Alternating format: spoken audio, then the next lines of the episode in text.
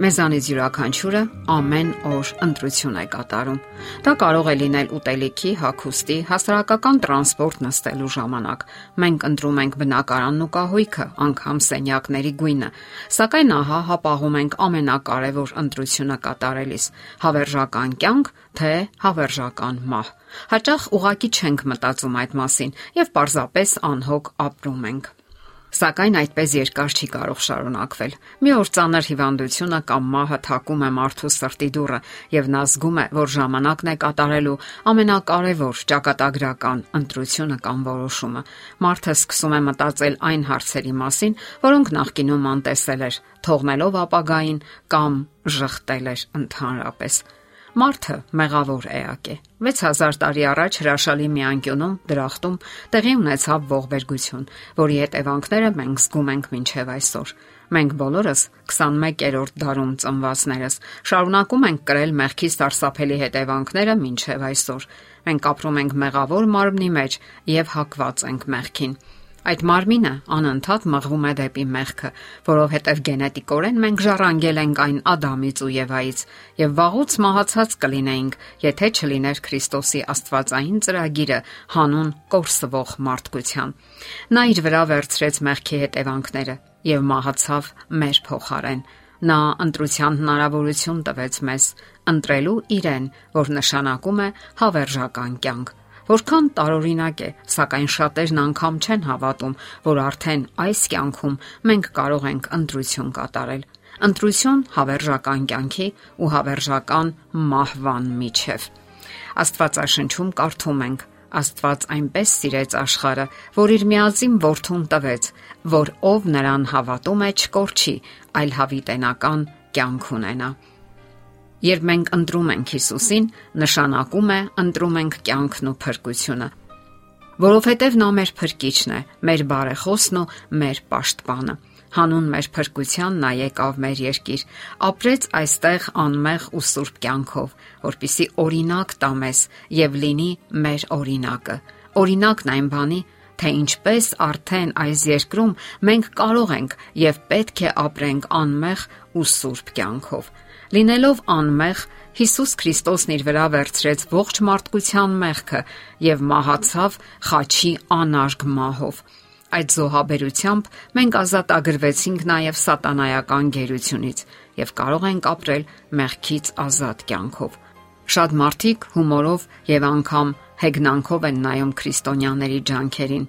հեգնանքով են նայում, թե ինչպես են քրիստոնյաները ցանկանում ազատագրվել մեղավոր կյանքի մեղավոր բավականություններից ու վայելքներից, կրքերից ու ամեն տեսակ կախվածությունից։ Այսօր մենք ընտրություն ենք կատարում։ Յուրաքանչյուր ճափահաս ու գիտակից անznավորություն, որ այսօր ապրում է այս երկրի վրա, կատարում է իր ընտրությունը Մենք չենք կարող խուսափել պատասխանատվությունից։ Երորդ ընտրություն գոյություն չունի։ Չեզոք դիրքորոշում նույնպես գոյություն չունի։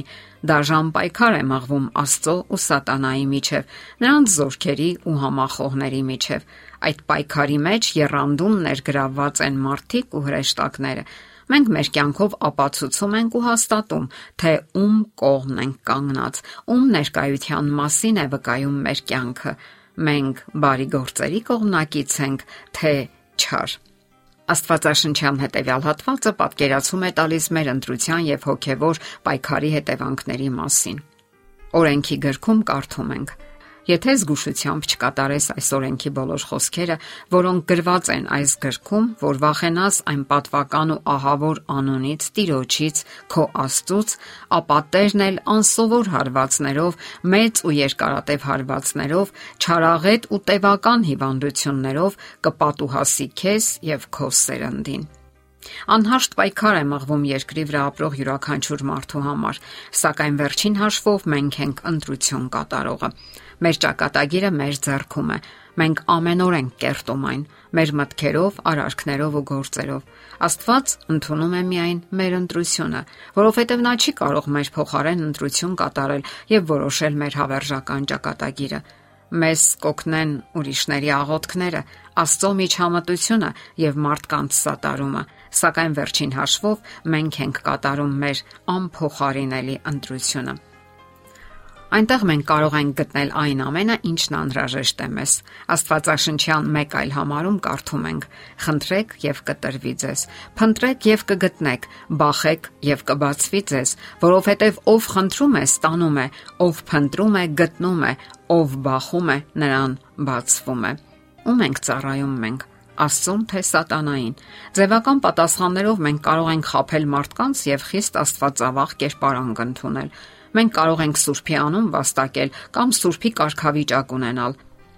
Սակայն երբևէ չմտածեք, որ դուք կարող եք խაფել Աստծուն։ Մարդիկ կարող են հիանալ մեզանով, փառաբանել մեզ կամ մեր դիրքն ու փողերը, սակայն այդ ամենը աղբ է ու անհեթեթություն է Աստծո աչքին։ Այս կյանքը շատ կարճ է ու ժամանակն էլ անցնում է։ Յուրաքանչյուրիս համար սահմանված է մի կարճ ժամանակահատված եւ հատուցումը անպայման կգա կգա հատուցման պահը, սակայն մենք չգիտենք, թե երբ կգա այդ հատուցման ժամը։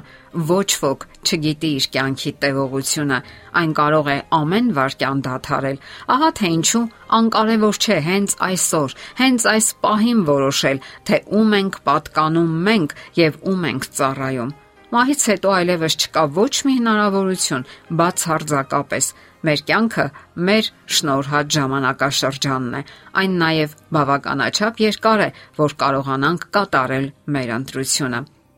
Եվ ապագայում կհնձենք այն, ինչ ցանել ենք մեր իսկ ընտրությամբ։ Եթերում ղողանջ հավերժության հաղորդաշարն է։